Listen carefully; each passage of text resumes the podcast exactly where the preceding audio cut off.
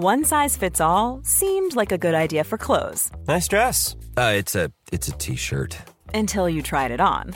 Same goes for your healthcare. That's why United Healthcare offers a variety of flexible, budget friendly coverage for medical, vision, dental, and more. So, whether you're between jobs, coming off a parent's plan, or even missed open enrollment, you can find the plan that fits you best. Find out more about United Healthcare coverage at uh1.com. That's uh1.com. Everyone knows therapy is great for solving problems, but getting therapy has its own problems too, like finding the right therapist, fitting into their schedule, and of course, the cost. Well, BetterHelp can solve those problems.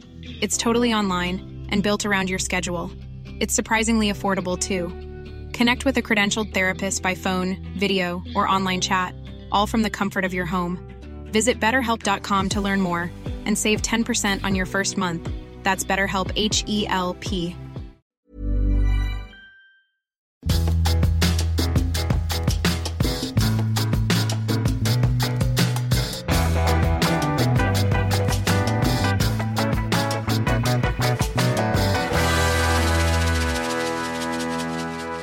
och välkomna till den formidabla podcasten Lille Lördag med Ann Södlund och Anita Schulman.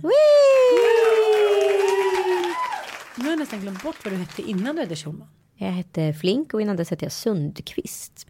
Anita Sundqvist. Vet du vad roligt det var? Så många gånger jag har ringt och liksom castat människor, jobbat med människor. Hej, Anita Sundqvist heter jag. Jag har ju en ganska vuxen röst. Ja, ja. Och haft det ganska länge. Så att när det då dök upp liksom en 19-åring så tänker alla att det skulle komma en så här hennafärgad rö, rökandes gulbländ kvinna. Så kom det liksom en liten kort indier istället. ja, du menar att Anita Sundqvist är ett socialkontorsnamn? Ja, det var inget bra namn att ha när man liksom jobbade många gånger med ett yrke där man liksom ringde. Och så här hade många seriösa möten. Folk tappade respekten för den. När man var alldeles för ung för namnet. Min pappa var så gullig igår för att Bobo heter ju Bobo Söderlund Ja. och Mattias heter Johansson. Och Ja. så här, det går ju inte. Jag kan inte heta Ann Johansson. Det är så här. Hej, jag heter Ann Johansson. Jag jobbar som syslöjdsfröken och eh, ja, Ja. ja, lite så. Ja, jag fattar, ja. Men gud, nu är vi så här namnrasister. Nej men jag bara tänker gud proletär-Ann, vad är det du säger här? Ja, men vadå Ann Johansson? Det är så här. Ann är ett kort namn. Det är tråkigt 70-tal. Johansson är ett tråkigt 70-tal. Så här. Ja, ja, men du var en tråkig människa bara. Men jag tänker på sådana som Laila Bagge Wahlgren som Ja. har sitt exmans namn och sitt liksom ex numera namn. Jo, men jag, jag vill heta Ann Södlund. Jag är Ann Södlund. Jag förstår inte du är ju en egen genre. Ja, jag är ju en egen person till skillnad mot dig som hela tiden byter namn. Precis. Jag byter namn lika ofta som jag byter hårfärg. Aldrig gjort. Ja, men då blev det, sa min pappa, men, men du är ju Ann Södlund. Du har gjort ett namn som Ann Södlund. Du kan ju inte heta Ann Johansson. Det, det var lite gulligt. Det var fint. Mm. Mm, min lilla pappa. Ja, nu ska jag berätta eh, några saker som jag känner mig lite upprörd över. Eh, dels eh, upprörd över mig själv att när jag på semestern träffar en ensam man och hans två döttrar då tycker jag gärna synd om honom. Så här, vill vara med honom och undrar så här, gud han måste ha blivit övergiven av sin fru. Är han ensam med två flickor här på hotellet? Fast veckan innan har jag och Sanna varit liksom iväg med 17 barn och då är det väl ingen som tycker så här stackars de där mammorna. Det är mer så här wow coolt att de åker iväg med sina 653 barn. Kanske lite för många barn men de gör ändå coolt. Och det där, jag vet inte om det handlar om min medberoende gen eller om det handlar om att att män så sällan åker på semester själva med sina barn. Det där är väldigt spännande att du säger Mm, det. Kalle åkte ju hem med Tom Allan själv från USA. Han gick förbi fast tracker Jaha, för att han eh, hade vår son på magen i en babybjörn och folk gav honom applåder nej, längs vägen. applåder. Vem hade gett en mamma med babybjörn applåder? Det är så jäkla exotiskt med män som är ensamma med sina barn på semestrar eller på resor kanske man ska säga. Jaha, men, men vad konstigt. Ja, eller hur? Fast nu tänker jag hur jag har gjort. Ja, i min förra relation var det bara jag som åkte själv med barnen på semester. Mitt ex gjorde aldrig det. Väldigt lite applåder. En gång bröt jag lilltån. Det var, det var det jag fick. Och vad kan vi lära oss från det här? Nej men det är härligt att vara iväg. Men jag fick faktiskt igår när jag gick in på kontot hade jag fått en jämställdhetspeng från Försäkringskassan. Mhm. För att jag och min karlaslok har delat på, på föräldraledigheten. Kul. Det tycker, jag, det tycker jag är en trevlig uppmuntran. Det ska Jättebra. uppmuntras. Men, men jag, jag tänkte på det för att eh, jag och Gry Forssell när vi träffades på- det där hotellet på Mallorca han vi pratade om ganska mycket. Och då berättade hon att vi kvinnor ofta vill ha det på vårt sätt när vi ska resa. Ja. men det ska vara, nu kanske jag är ett undantagstillstånd, men det ska packas på ett visst sätt och det ska vara små servetter och viss mat och hit och dit. Och hennes kille, eh, gulliga Alex, som för övrigt är en skitbra pappa, han, eh, när hans, deras son var ett år, då ville han åka på semester med honom själv. För att han ville så här, hänga själv med sin son och vara en farsa från sina, liksom, utifrån sina egna skills om man ska säga så. Det tycker jag är väldigt sympatiskt. Men nu förstår jag inte ens varför jag pratar om det. Varför skulle det vara sympatiskt och något speciellt? Varför är det det 2015? Eftersom jag pratar om det måste jag ändå tycka att det är något speciellt. Eller hur? Mm. Det finns ju ganska mycket skevheter i det där. Som kroppsideal till exempel. Här sitter jag med en läckande brön och Eller bara, ja, hur? jättejämställt. Ja, jag ser framför mig så har Ann på sig en rosa tröja och mitt på den rosa tröjan är det som någon har så här stuckit en kniv i hennes bröst skulle man kunna säga. Alltså, det rinner ut en vätska sipprandes ut som växer på tyget. Men nu ska du ta upp kroppsideal, men det ska du inte alls det. För jag Nej. skulle berätta om då att sen började vi prata, vi började umgås med den här mannen och hans två döttrar och en annan underbar familj som vi hängde med flera dagar. Och då visade det sig att hans fru hade dött i bröstcancer. Oj. 39 år gammal, gick sådär. Ja, och eh, han har, jag kan prata om det eftersom han har varit med på tv i en sorts, vad- man kan kanske inte kalla det för reklam när man pratar om cancer, men han har varit med på tv med sina barn och pratat om sin fru. Och eh, han var väldigt öppen med det och det var väldigt fint att höra honom. Han sa så här, det är fem år sedan, nu börjar jag kunna tänka mig ett annat liv eller dejta lite och liknande. Men eh, han sa, jag har skrivit väldigt mycket om det här, skrivit av mig. Eh, och då började jag eh, tänka på det här att han sa att hon hade varit med, eftersom det låg i familjen bröstcancer så hade hon varit med i en, en podd eller att säga. Hon hade med en studie där man fick prova olika sätt då om man skulle bli drabbad. Så att då hade det här dragit ut på tiden för att man skulle kolla då jämföra med de olika sätten som man då skulle bli botad på. Så då hade det hunnit bli elakartat innan hon fick hjälp. Ja, sån bitterhet. Men, Ja, men jag jag, tänker att vi pratar väldigt lite om det här och jag har inte gjort mammografi än, även fast jag borde gjort det för flera år sedan. Min mor dog ju i livmodercancer, så jag började smsade min barnmorska. Hon var så här, "Åh, jag måste komma och ta ett litet test. För man glömmer ju mycket sånt där. När det är sommar och händer grejer. Men man måste ju vara rädd om sig själv. Eh, och eh, då eh, så var hon lite ledsen för att hennes man hade träffat någon annan tydligen. Och då sa jag, jag visste ju det, men jag frågade hur är det? Ja, det är bra sa hon, men det är tråkigt att inte ha någon kärlek. Och då tänkte jag så här, jaha, ja, ja det kanske det är. När man lever i kärlek så tänker man inte, man tar ju det för givet. Och då började jag googla så här, men är det tråkigt utan kärlek? Så här, då fick jag upp lite grejer. Då fick jag bland annat upp Victoria Silvstedt. Ja, och jag tycker hon, hon är tillsammans med, har ju varit tillsammans med Della Mauris. Just det. Affärsmannen. Men hon har ju varit väldigt inkognito. Hon har varit väldigt privat, alltid med sina relationer. Och då sa hon så här. Eh, förhållande har jag sedan flera år tillbaka men ändå känner jag mig orörd. Jag är som en oskuld när det gäller dejtingvanor. Och hon sa att hon, hon skulle aldrig liksom vilja leva själv eller vara singel igen. Skulle hon tycka det var jättetråkigt. Och så, så eh, kollade jag lite mer och då var Agneta Sjödin så här, men jag har inget emot att vara singel, jag tänker inte träffa någon bara jag bara ska träffa någon. Och då ser jag mig själv då, jag är ju ingen singelperson, jag står för det. Sen har jag varit singel eh, liksom, några månader förra våren och så här, dejtade liksom massa killar och levde livets glada dagar. Men sen tänkte jag, om jag inte hade träffat Mattias och det hade blivit höst, man kan ju inte liksom låtsas att man är 20 i två år, då blir man av med jobb och barn och allting. Alltså det funkar ju några månader. och då tänkte jag så här, varför blir vissa, varför är vissa trygga, mm, liksom även som singlar och vissa klarar inte riktigt av det. Klarar du av att vara singel? Jag är katastrof som singel skulle jag säga. Men varför är vi katastrofer som singlar? Är det för att vi har dålig självkänsla? Är det liksom Jung? Är det Jung som kommer in? Har inte vi blivit sedda som barn? Upprepar vi saker? Har inte våra fäder sett oss? Varför är vi dåliga singlar? Men jag tror att alltså, för min del är det superbiologiskt. Alltså jag är en duo. Jag är inte speciellt bra på att vara själv. Jag är till att börja med när jag, in, när jag inte får välja. Ja, eh, Då är jag översocial. ja, Alltså det är en sak att välja ensamheten. En helt annan sak att inte få välja. Absolut, men jag brukar ju så här, ibland när jag får som utbrott skrika på Mattias så här, jag får aldrig vara själv och för han var ju hemma en vecka när jag var på Mallis, för han jobbade. Och aldrig får jag vara ensam själv och känna hur det skulle kännas och kanske gå ut på restaurang eller gå på bio och ligga hemma och kolla på någon film och sådär. Han bara, men det får du väl jättegärna göra och det sa jag även mitt ex. Men sen så när jag väl har gjort den här gången, då går det en timme då är det så här, hej, kan du komma och sova hos mig? Hej! Och det var likadant när, vi, när jag och mitt ex separerade. Att jag, jag, jag gillar liksom inte att vara själv. Nej. Jag sov hos mina vänner. De hade en liten sovlista där jag fick komma över.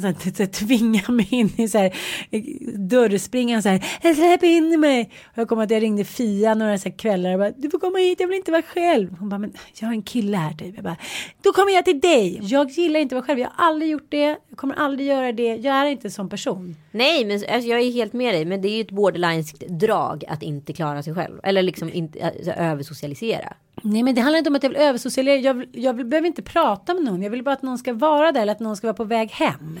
Det är samma sak med semester. Alltså min moster till exempel. Hon har ju liksom aldrig gift sig eller någonting. Hon har ju semestrat väldigt, väldigt mycket själv. Ja. Jag har ju en gång åkt till Paris eller liksom åkt någonstans på väg mot någon käraste eller liksom någon familj eller några vänner. Men så här, det är min största mardröm och det erkänner jag att semestra själv. Att inte få någon reflektion, att inte få något gensvar. Så här, Åh, vad, Mona Lisa, var det något märkvärdigt med den här tavlan egentligen? Eller vad tycker du? Går inte prata med någon. Nej, och särskilt så här, semestra i Sverige själv, det skulle ju vara en mardröm. USA är ju lite mer, där kan man ju sätta sig på en bar och så kommer det fram någon. Ja, precis. Men är det den relation man vill ha? Där Nej, är jag, väldigt svensk, jag vill ha riktiga relationer hela tiden. Men jag gjorde ju faktiskt det en gång. Gjorde du? Jag har gjort två gånger. En gång på Sardinien och då höll jag på att bli våldtagen. Eh, det var fruktansvärt. Eh, och sen så gjorde jag ju en semester med Penny. Eh, själv. Ja men det har jag gjort med barnen. Mm. Fast Penny var ju två år. Fast Det i och för sig, ju- har det varit andra vänner med också. Mm. Jag åkte själv. Okej, vad gjorde du? Berätta först Sardinien när du blev, nästan blev våldtagen. Jag åkte själv för jag skulle dejta. Jag hade en italiensk dejt som bodde i Rom. Eh, som hette Simone. Simone. Han eh, jobbade som, eh, han var med i rugbylandslaget. Han var så snygg, så snygg. Nej men då skulle vi ses, ses där nere i alla fall. Eh, och så slutade det med att han fick eh, något jobb som han var tvungen att dra iväg på. Så han kom aldrig. Så då blev jag ju själv en vecka. Nej. Så jag blev liksom strandad på Sardinien. Jag var skeppsbruten kan man konkret säga. Det har jag en tjejkompis som har blivit bjuden till London av Jonas, Å- vad heter han? Jonas Åkerlund. Ja. Och när hon kom dit så kom han aldrig och hämtade upp henne. Alltså, asshole, dålig stil Jonas. Gör aldrig om det mot mig.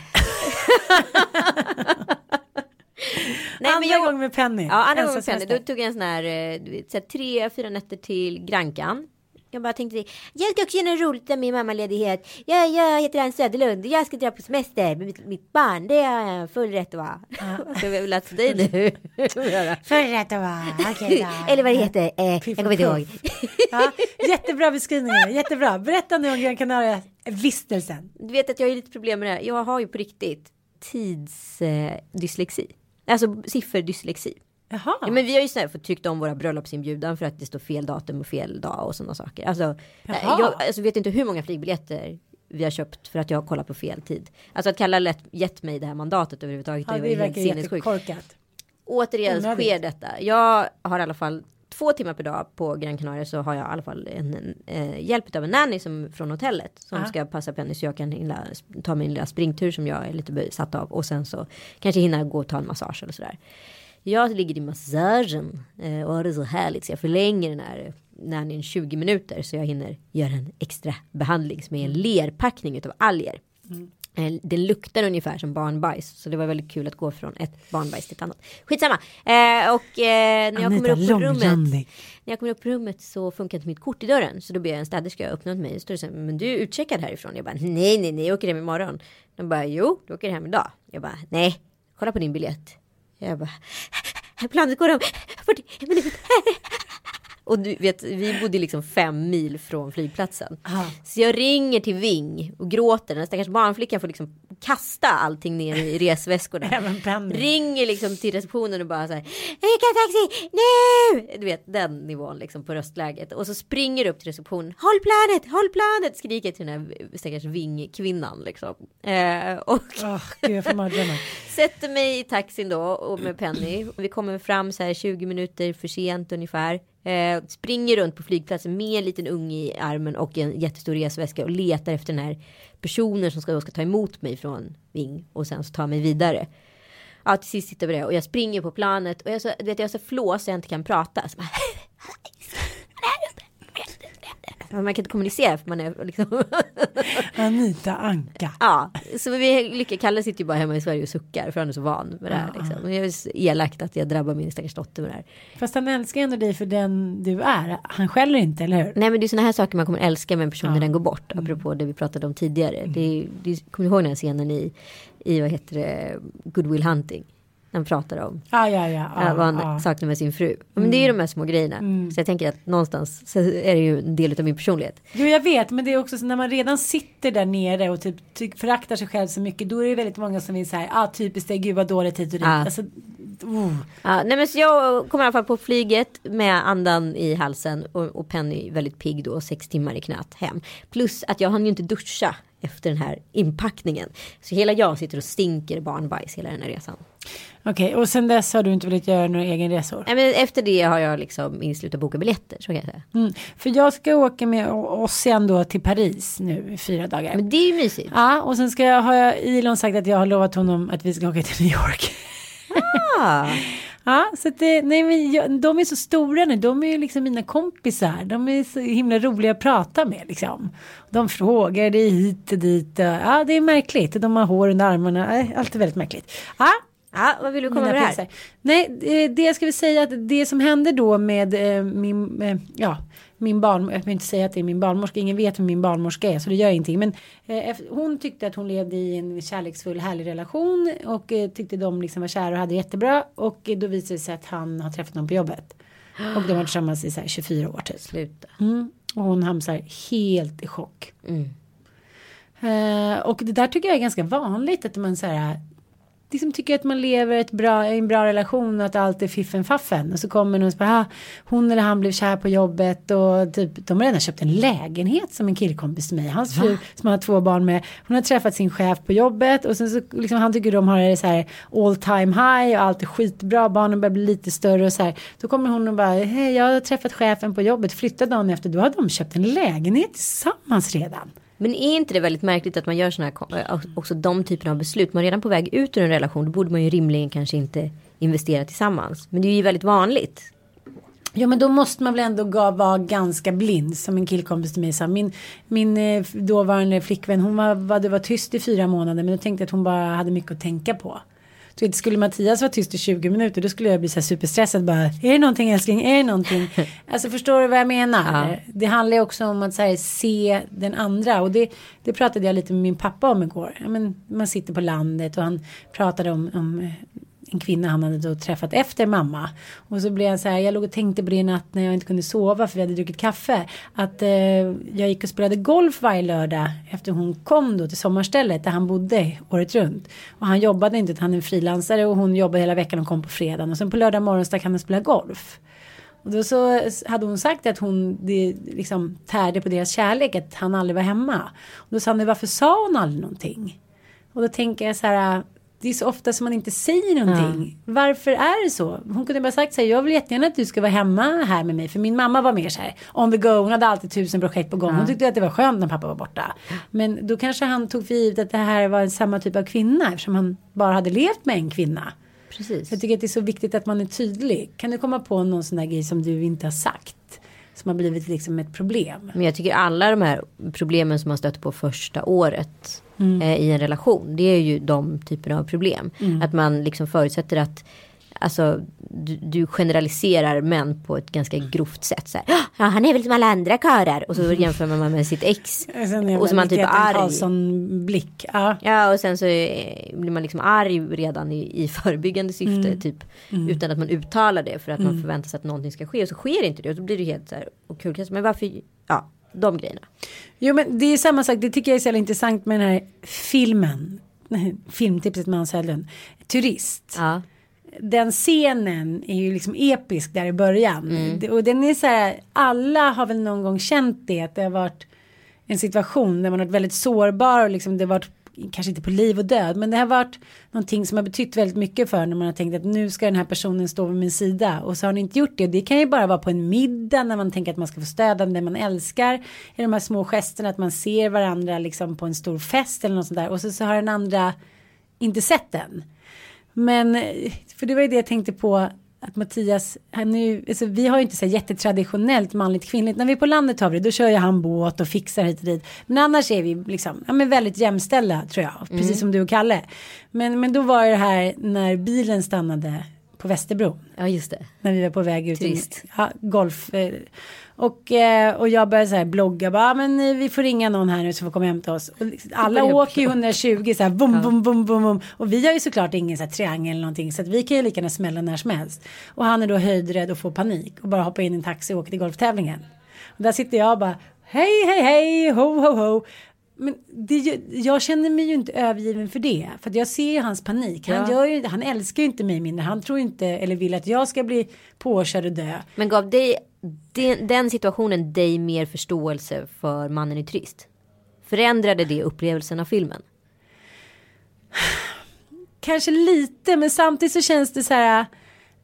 Det som sker via liksom tanke och handling kan man ju inte alltid liksom bestämma över. Det är, så här, det är kroppen så här, från miljontals år tillbaka. Det är magkänslor, det är saker man gör. Jag menar mammor som vars barn har hamnat under lastbilar, de bara lyfter upp dem. Det är, så här, det är saker som sker som inte vi har något grepp om. Eh, men samtidigt kan jag känna att den är så tydlig. Förstår du vad jag menar? Att han räddar sig själv. Han har barnen med. Nu var inte barnen med. Nej. Då kanske det hade varit annorlunda. Då hade jag kanske tyckt så här, men nu får väl du liksom stanna kvar tills vi har satt Bobo i säkerhet lite. Men nu var det bara så här, ja men åk iväg till den här tävlingen och jag är inte dugg liksom orolig eller ängslig för sånt där. Jag tycker sånt där är lite roligt. Jag bara, hej hej, är det Berras typ? Det händer något. ja, det händer något. Ja. Men, men jag tänkte på det efterhand att eh, en annan kvinna eller man eller liknande kanske hade tyckt att det där var jättetaskigt och jättejobbigt. För det blev lite pikar ute på golfbanan. Ja, du satt kvar i bilen och Mattias drog iväg. Men nu när vi ska till Norge då på semester så sitter han ju varje kväll och så här, kollar på broar och jag märker så han bygger upp mer och mer panik så här. Ska vi verkligen åka till Norge? Det ska bli dåligt väder och hit och dit och då så här, så här har du kollat, varit och kollat på broar eller? Och då är det ju en jättehög ja, ja. lång bro som vi ska åka över.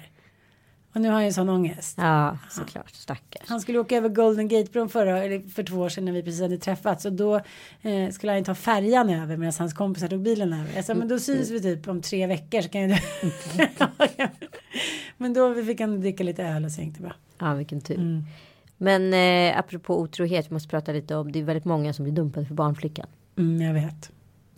Det har ju hänt en kompis till oss. Det har det gjort. Men alltså det var ju redan slut. Ja. Mm. Men så men, brukar det väl vara innan det adresseras vem det är. Jo absolut, absolut. Men, men eh, ja, det skämtas ju mycket om det där. Barnflickan får inte vara för snygg och barnflickan får inte vara hit och dit. Men just det där att som jag och Sanna pratade om att hon hade en barnflicka för några år sedan som var så här supersnygg, superbra, superkompetent. Att man själv Ja men vi var på Gotland då. Jag och Sanna kände oss ju som typ de sämsta mammorna någonsin. Där kom in så här någon 20 någonting. Och är så här så fullgjuten mamma typ. Både kompis, ordning och reda, snygg, rolig, eh, superspännande, hitta på grejer och barnen var så här ja, ja, ja och älskade henne. Ja. ja om man då har så här varit tillsammans i tio år, man bråkar om vem som ska få göra karriär, sexlivet är lite saggigt, ja, allting går lite på sparlåga men man älskar varandra liksom. Och så kommer in någon så här supermom. Ja. Ja, där tror jag också att det kanske kan finnas i vår biologiska fauna. Att så här, man då som man tycker så här wow. Fan vad härligt, hon verkar älska mina barn även fast de så här sliter i håret och bajsar på sig och skriker. Och, bara Och så råkar hennes bröstvårtor vara i, i, i linje med hennes nyckelben. Ja men det kanske inte är viktigt. Det tycker inte jag är viktigt. Nej. det har inte alls med saken att göra. Nej, nej, nej. Nej men och just det här då att barnen blir så lugna med barnflickan och barnflickan vill ju då göra karriär med ens barn. Förstår du vad upphetsande? Ja. Och det har jag haft liksom männisar, killar som har tagit hand om mina barn som också är så här. Men gud han är ju helt underbar med dem och de blir lugna och de, jag tar hand om dem och Ja förstår du vad jag menar? Jag, jag för- kan förstå den känslan. Ja. Men, men ändå så här, det är ändå den största förnedringen. Förlåt om jag säger det. Ja men det är det ju. Ja, men så här, jag, jag och XXX, vi ska iväg på semester med barnen. De blir så lugna med, eh, med henne.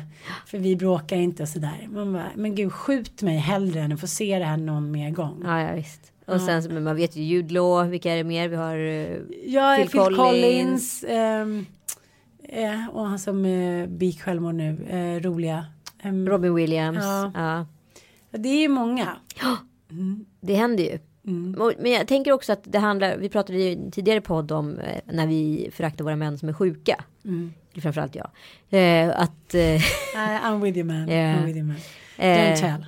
nej jag lovar, jag ska inte säga något. Eh, nej men att eh, det är ju någonting i det här med omvårdnad som är väldigt sexigt kan jag tänka mig för en man.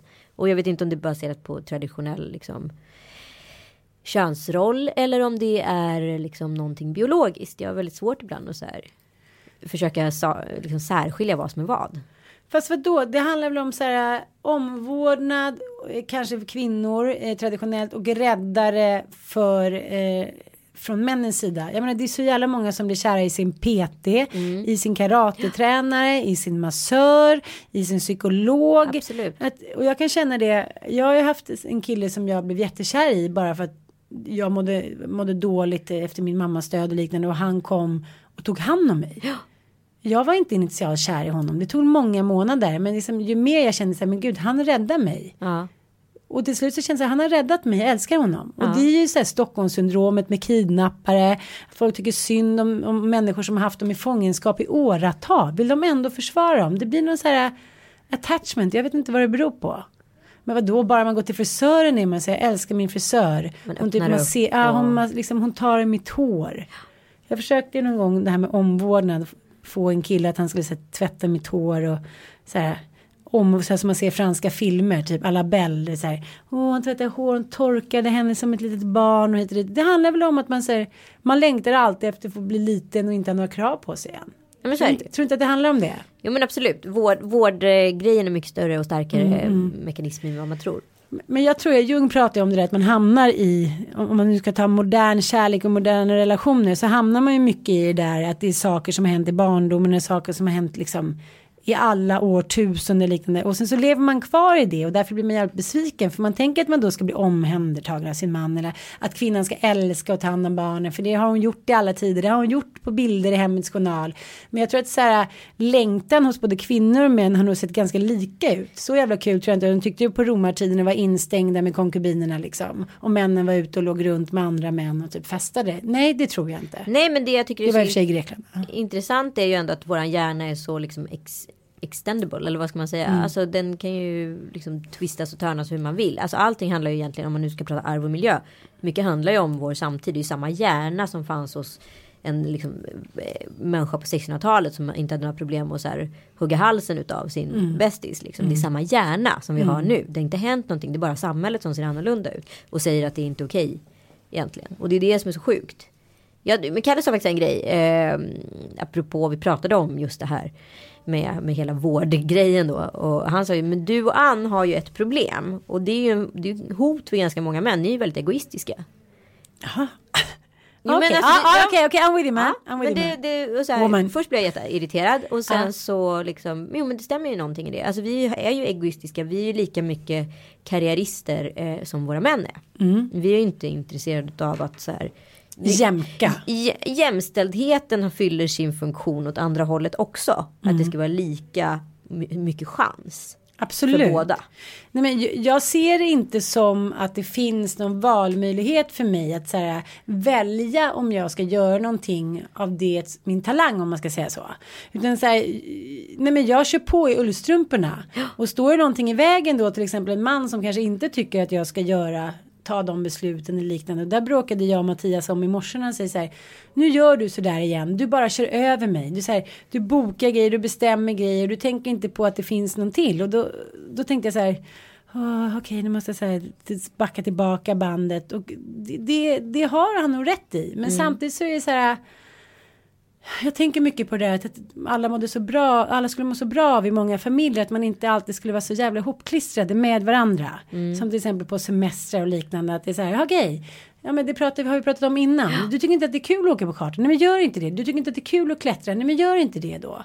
Men att man måste hålla den där balansen att man ändå måste göra saker till, mm, tillsammans. För annars så själv dör ju en relation om det aldrig Ja, får men någon syftet bensin. är väl att man liksom. ska i alla fall ska åka dit tillsammans och och förhoppningsvis äta en middag på kvällen och en frukost tillsammans. Och sen så kanske inte liksom dagspasset behöver vara att du och jag sitter liksom i någon typ av Mm. handboja vid varandras sida och jag följer med dig tvångsmässigt till poolen. Ifall inte det är min stora ambition här på. Nej, men samtidigt om, om inte jag tar tag i saker eller ha- hade gjort saker i mitt liv då hade ju ingenting hänt heller. Jag sitter ju inte och väntar på att få det serverat. Det tänker inte jag är egoistiskt. Nej, men det är bara så som män alltid har gjort. Det är bara ett män, manligt beteende. Ja, men om Kalle det är säger ju- egoistiskt, jaha okej. Men varför inte då för halva mänskligheten? Ja, men Kalle säger till mig hela tiden varenda gång vi så här bråkar eller när han tycker att jag kör över honom, vilket händer då. då eh, att han säger, jag hade faktiskt ett liv på ungefär 30 år innan jag träffade dig, eller 29 år var det i och för sig. Innan jag träffade dig och det gick ganska bra. Men då tänker jag ju så här, gjorde inte alls det, för det har alltid funnits en kvinna där som har tagit hand om honom. För han skulle per definition enligt mig då inte klara sig själv. Nej, nej enligt dig själv. Enligt mig. Du menar att om du skulle lämna honom skulle det gå två veckor sen skulle han ligga där hemma och typ Nej, skulle på skaffa en ny kvinna på en gång. Det är jag övertygad om.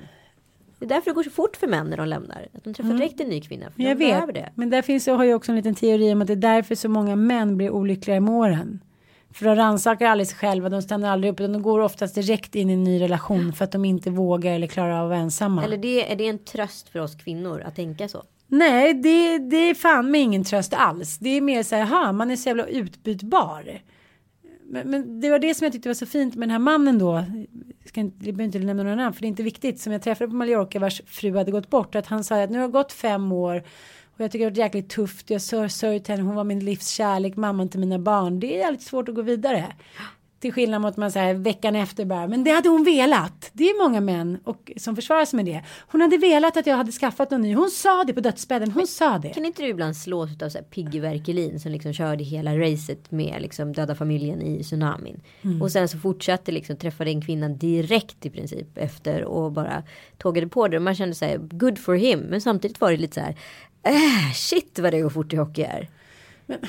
Jag tycker faktiskt att det är två skilda saker. Är det? Ja, man säger ju så här att första året efter någon som man älskar och står nära har gått bort. Då ska man bara så här sitta i båten. Inte hålla på att sälja hus och lägenheter eller så här göra upp pengar eller träffa någon ny eller liknande. Man måste säga då är man i chock. Ja. Som i vilket liksom akut situation som helst. Det är det som många är fel. Ah, jag vill inte ha kvar här. Så gjorde vi. Vi vill inte ha kvar sommarstället. Det blir för mycket minnen. Nu är jag så här, men varför hade vi inte kvar sommarstället? Det var liksom där älskade mamma och var. Det var otroligt underbart att åka dit och vårda hennes minne. Men då fick alla panik. Så där vill vi aldrig mer åka tillbaka. Och det ska säljas och lägenheter och sommarhus och allting ska göras nu. För vi ska kunna gå vidare. Men det är ju helt fel. Joan Didion har gjort den underbara boken Ett år av magiskt tänkande. Just det. Där, jag har läst den så många gånger och varje gång man läser den så får man en sån här, någon ny nyans av vad som händer när någon man älskar försvinner.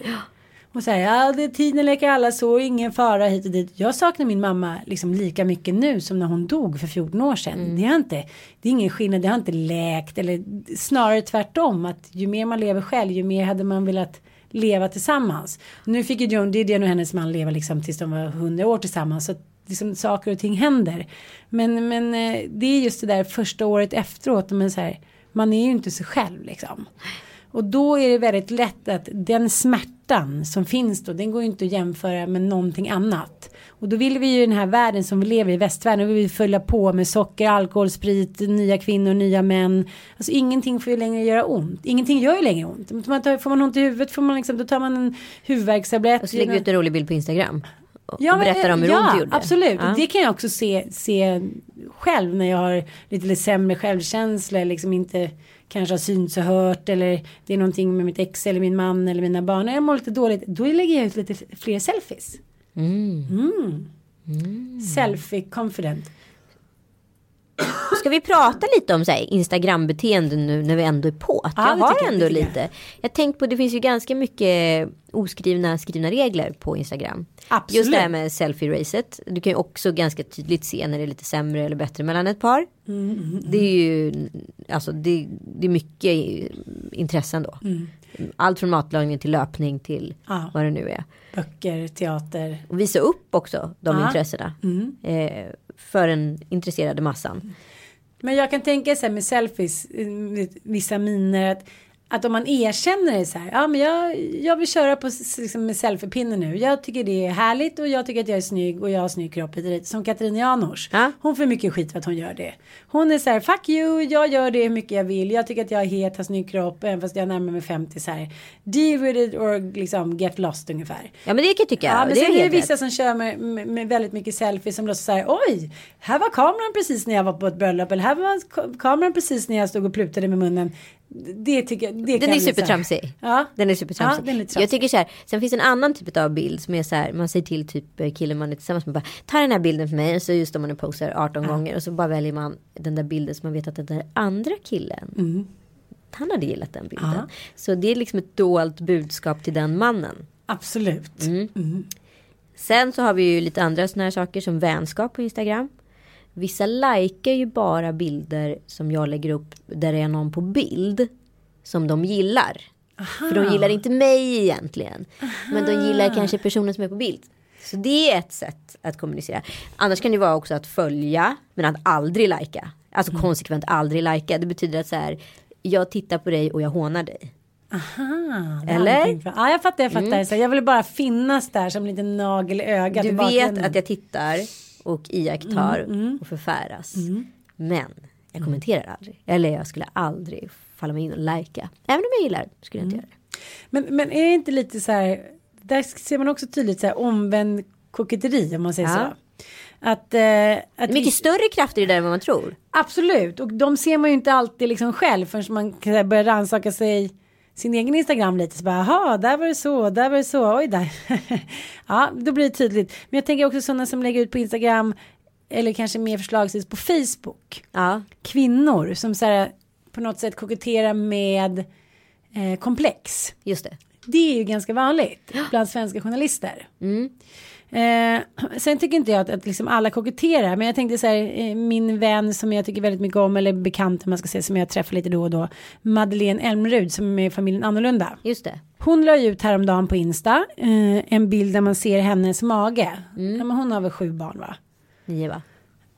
Oklart. Ja, oklart. Men hon har många barn och hon skrev något liknande. Att jag har ju, den här magen har haft, varit gravid i 77 eh, månader. Ja. Ja, eh, jag tycker ändå att jag ser råhet ut. Ja. Och så var det en bild på en sp- spruck, sprucken mage. Mm. Och så sa hon så här, jag tycker alla får göra vad de vill. Det är fantastiskt att det finns kir liksom kirurgi som kan ta bort det här om man mår dåligt av det. Just det här mår inte jag dåligt av, men jag ska göra en annan, ett annat ingrepp.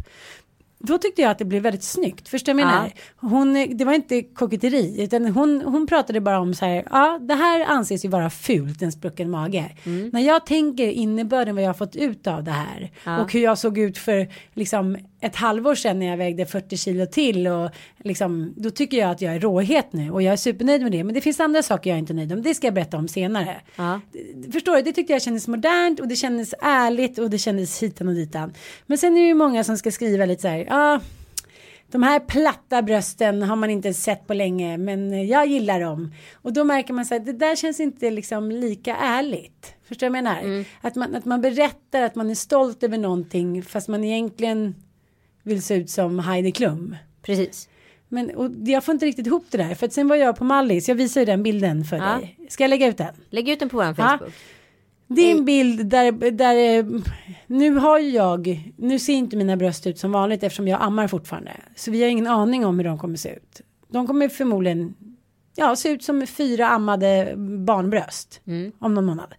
Men på den här bilden så är de liksom uppammade och sen så trycker Bobo mot mig. Så att bröstet ligger liksom, tänk dig som en sprucken Såg ut som en Melon. aubergi- aubergine. Ja, en aubergine, Ja. auberginebröst. Ja. Och då tänkte jag så här, gud vad, det där såg ju roligt ut. Nu ska jag vara så här, så som jag är, bjuder på mig själv. Proletäran. Mm. Det så här solidaritet 70-tal, så här, så här ser jag ut med mina bröst. Fyra barn senare.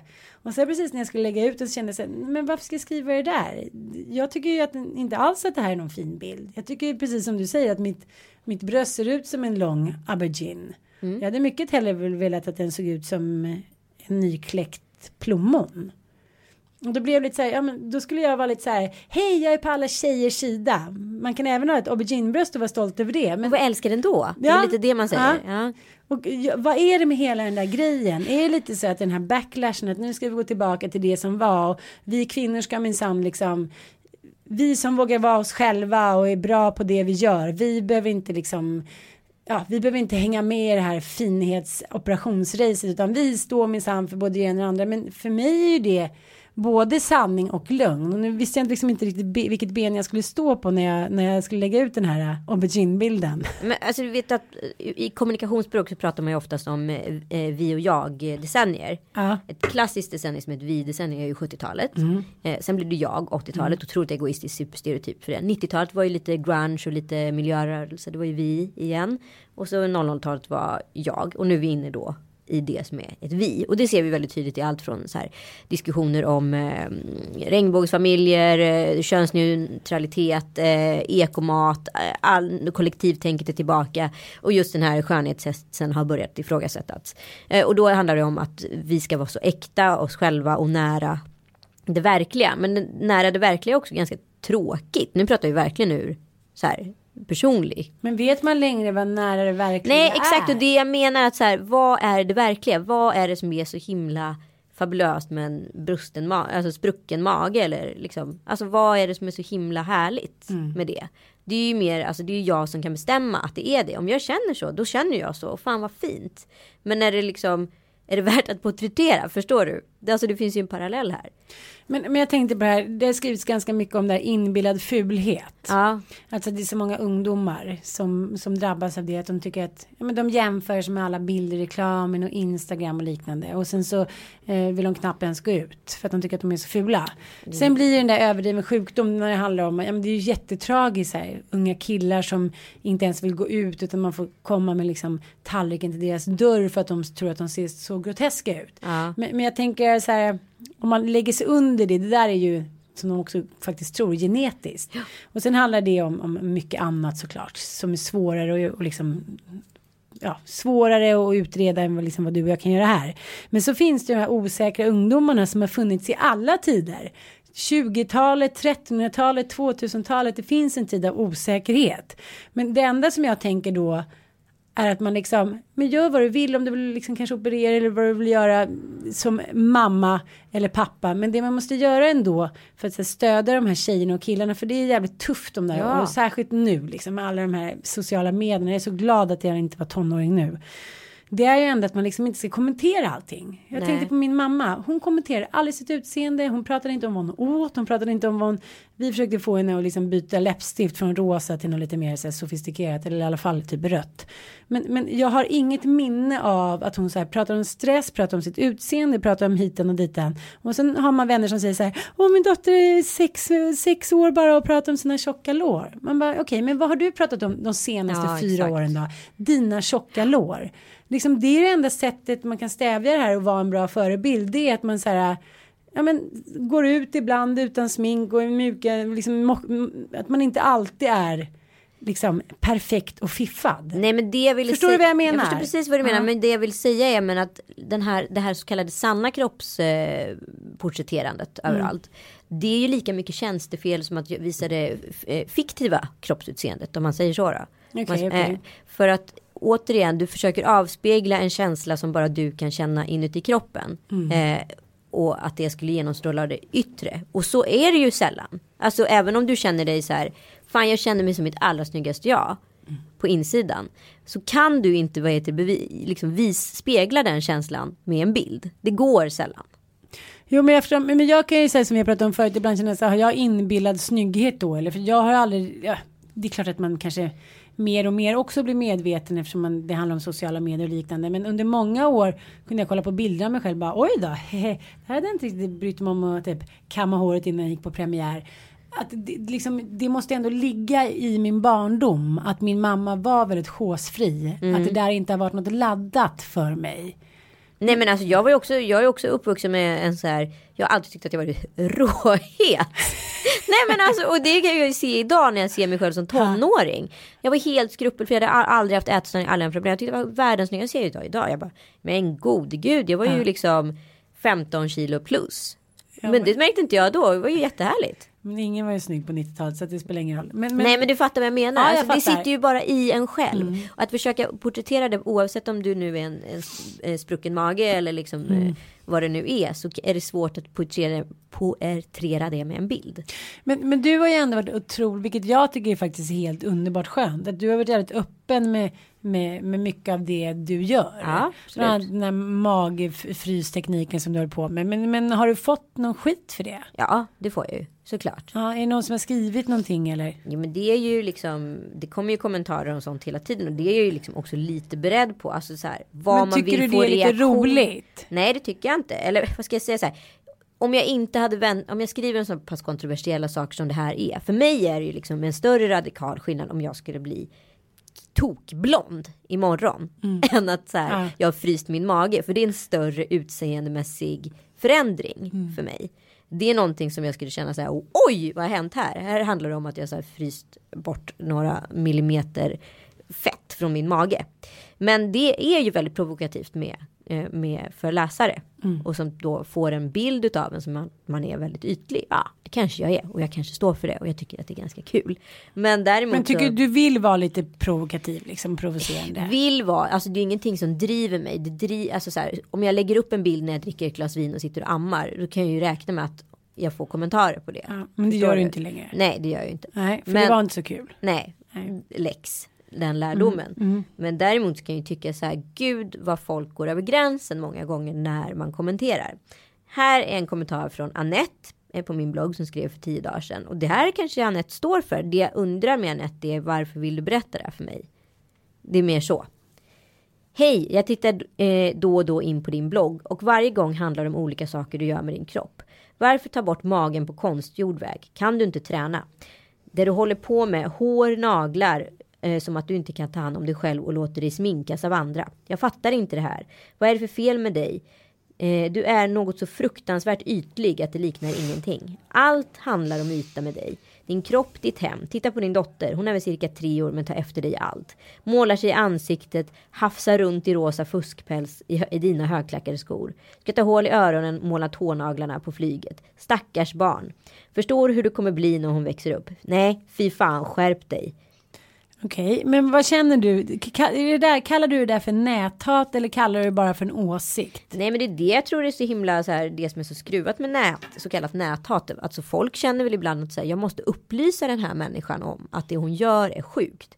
För hon signalerar någonting här som inte är bra för någon annan att läsa. Och det jag kan tycka är problemet med kommentarer det är det här storebrorsansvaret folk anser sig ha. Jag måste ju berätta för henne att så här funkar det inte. Då har andra, inte jag, men det finns andra där ute som kan bli eh, provocerade av det här. Och det tycker jag är näthat om någonting. Att så här, du ska gå in som en så här, någon typ av familjemedlem och läxa upp mig på ett eller annat sätt. Ja, men, men vadå? Alltså, tycker du... När du läser om det, när man läser om liksom, direkt instant, då känner man ju så här, då hamnar man ju i en fas, man känner taggarna ut och dit. Men tycker du att de har nått rätt då?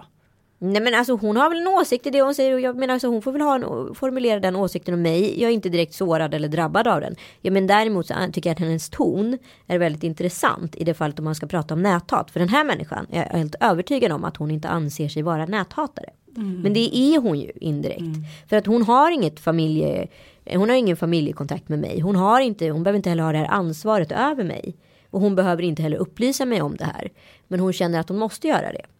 Men det finns ju vissa som säger Katrin Zytomierska och Malin Wollin. En näthat är ju inte bara fitta, kuk, du dum i huvudet. Nej, absolut inte. Men, men som får stå ut. De har ju starka åsikter, ofta feministiska om man ska säga så. Och de får ju st- utstå otroligt mycket nät. Att det är din jävla hora och din horunge och din hortidning och hoppas du ruttnar. Och det, alltså, det, det är så här, man tänker så här, om jag ens skulle sitta i tre veckor ska jag komma på det vidrigaste jag skulle kunna komma på så skulle jag inte kunna skriva det de gör. Nej. Och då tänker jag så här, vad handlar hela det här näthatsgrejen om? Då tänker jag så här, det måste ju i grund och botten handla om så jävla ensamma människor som sitter där ute i Men stugorna. såklart att det gör. Ja men det är så sorgligt. Jag säger det, tillbaka med kollektivismen, tillbaka med liksom 70-talsandan.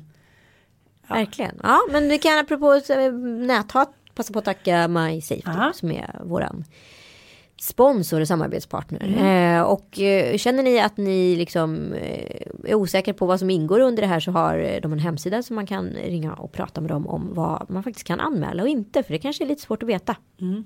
Det här är en sån kommentar som jag behöver kontakta dem för och så här, är det här okej eller är det inte? För Mm. de har till och med tydliga stadgar.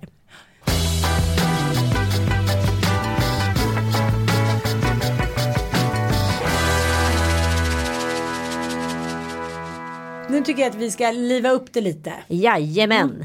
En grej som jag tycker är preskriberad nu det var när jag och min bästis Åsa när vi typ var så här 14 eh, skulle hämta någonting i, eh, ja vi kan säga att det var min pappas. eh, garderob eller, ja, eller någonting ska vi veta och så hittade vi eh, en porrfilm.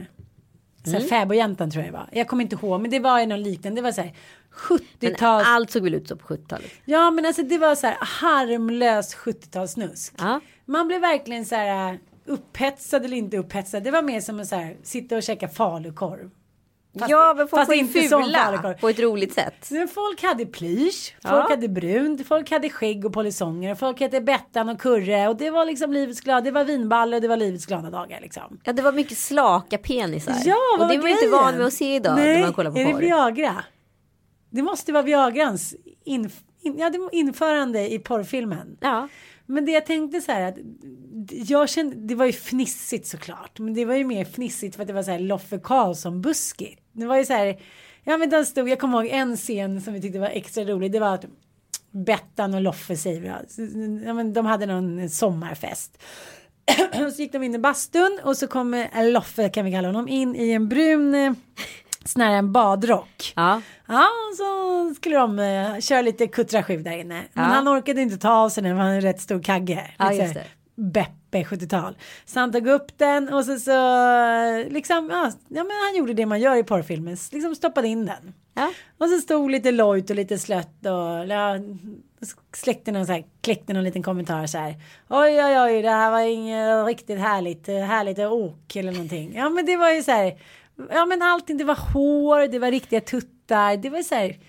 Ja, alla fick ligga. Ja men grundläggande var ju också att det fanns någon typ av ambition av att ha någon dramaturgi i de här filmerna. Vilket är väldigt märkligt. För det enda allting handlar om är att man vill se två människor som kopulerar eller flera. Ja. Eh, men det verkar ju vara sekundärt. Ja. Och nu häromdagen råkade min son, nio, hans bästa kompis, nio och lillebror, Ja. eh, sex, komma in på en sån här liten sajt. Inte en 70-talssajt. Nej, och du, det, det var... Jag kommer ihåg att för ett tag sedan så blev eh, min nioåring så här, men mamma du har ju hår, sa han efter det då. För då hade de kommit in på det, det var ju så spännande så de höll på att dö. Sen kom jag ju på dem efter fem minuter för de skrattade så mycket så jag sa, vad är det här? Och då hade de liksom ju, du vet, snabbt gått igenom så här hot mamas allting. Men jag tänker så här, den bilden de får, Ja. om man jämför med fäbodjäntan. Åh vad härligt Bettan, kommer du snart? Ja det gör jag. Och sen så tog de liksom en cigg och en liten, en, en gammal vinare. Och sen var det klart liksom. Men alltså jag är bara rädd för att vi så förbarmar oss på samma sätt nu som de, alltså förstår du? När, om vi skulle jämföra med våra föräldrar. Vad de växte upp med så var det ju liksom. Nej, nej, nej, nej. Jag förstår vad Ja. du menar. Här, Herregud, de har långt hår. De Tidningar raggade." som våg, no, där någon vågade visa låret liksom. Nej, nej, nej, nej. nu har du fel. Okej. Alltså, jag fick ju en så här erotisk, erotik för kvinnor. Ja. Det är någon sån här sajt som skickar ut så här gruppmail hela tiden. Populärast i juni månad. Då kommer det upp en bild. Där det ligger en tjej i typ, jag vet inte om man ska kalla det i grodperspektiv eller ja, kalla det vad du vill, men liksom underifrån. Och så runt det så tänkte jag, gud vad är det där så har de lite konstnärligt. Men det var ju då eh, Noppedonisar.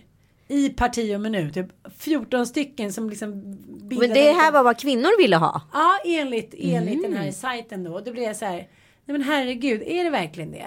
Det är ungefär som det här, den lyckliga horan, den lyckliga porrfilmsinspelande. Jag blev otroligt Fast vet du vad? förtvivlad. Jag är inte ett dugg förvånad. Jag har haft så här jätteroligt sexsnack med mina tjejkompisar.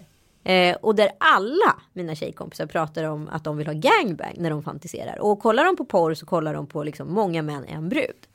Nej, Jo, det är jag är kvar i 70-talet. ja men du, det, det kommer proletären in här. Ja, det var en killkompis som sa till mig också när vi tog ett glas vin för ett tag sedan. Så här, jag brukar köra så här, berätta för tjejer som jag ska ragga på att jag är sexmissbrukare. Det går de verkligen igång på. Alltså, det är så Jag bara, men det är det sista jag skulle vilja ha. Hellre, men åh, 70-talsmannen, kom tillbaka, allt är förlåtet.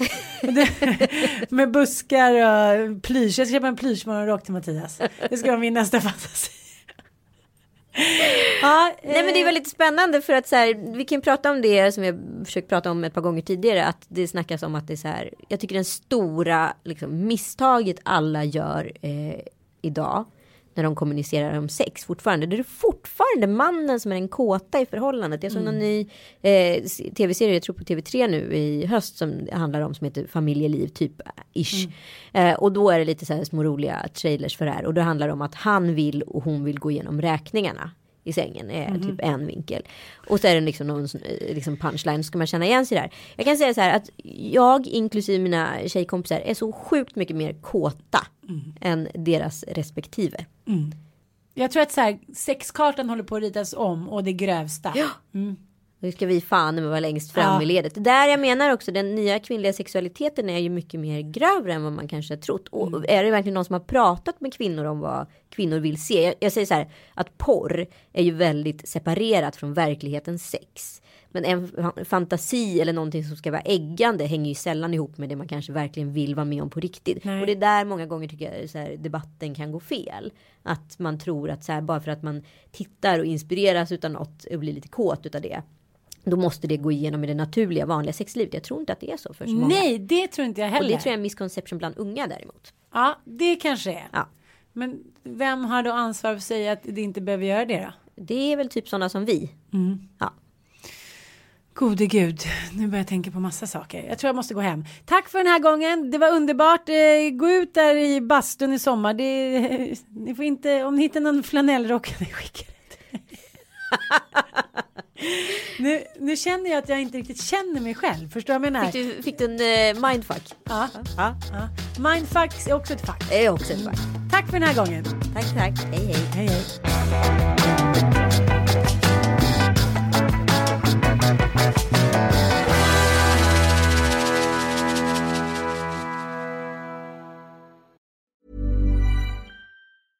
Mom deserves the best, and there's no better place to shop for Mother's Day than Whole Foods Market. They're your destination for unbeatable savings, from premium gifts to show-stopping flowers and irresistible desserts. Start by saving 33% with Prime on all body care and candles. Then get a 15-stem bunch of tulips for just $9.99 each with Prime. Round out Mom's menu with festive rosé, irresistible berry chantilly cake, and more special treats. Come celebrate Mother's Day at Whole Foods Market. Imagine the softest sheets you've ever felt. Now imagine them getting even softer over time. That's what you'll feel with Bowl and Branch's organic cotton sheets. In a recent customer survey, 96% replied that Bowl and Branch sheets get softer with every wash. Start getting your best night's sleep in these sheets that get softer and softer for years to come. Try their sheets with a 30-night guarantee. Plus, get 15% off your first order at bowlandbranch.com. Code BUTTERY. Exclusions apply. See site for details.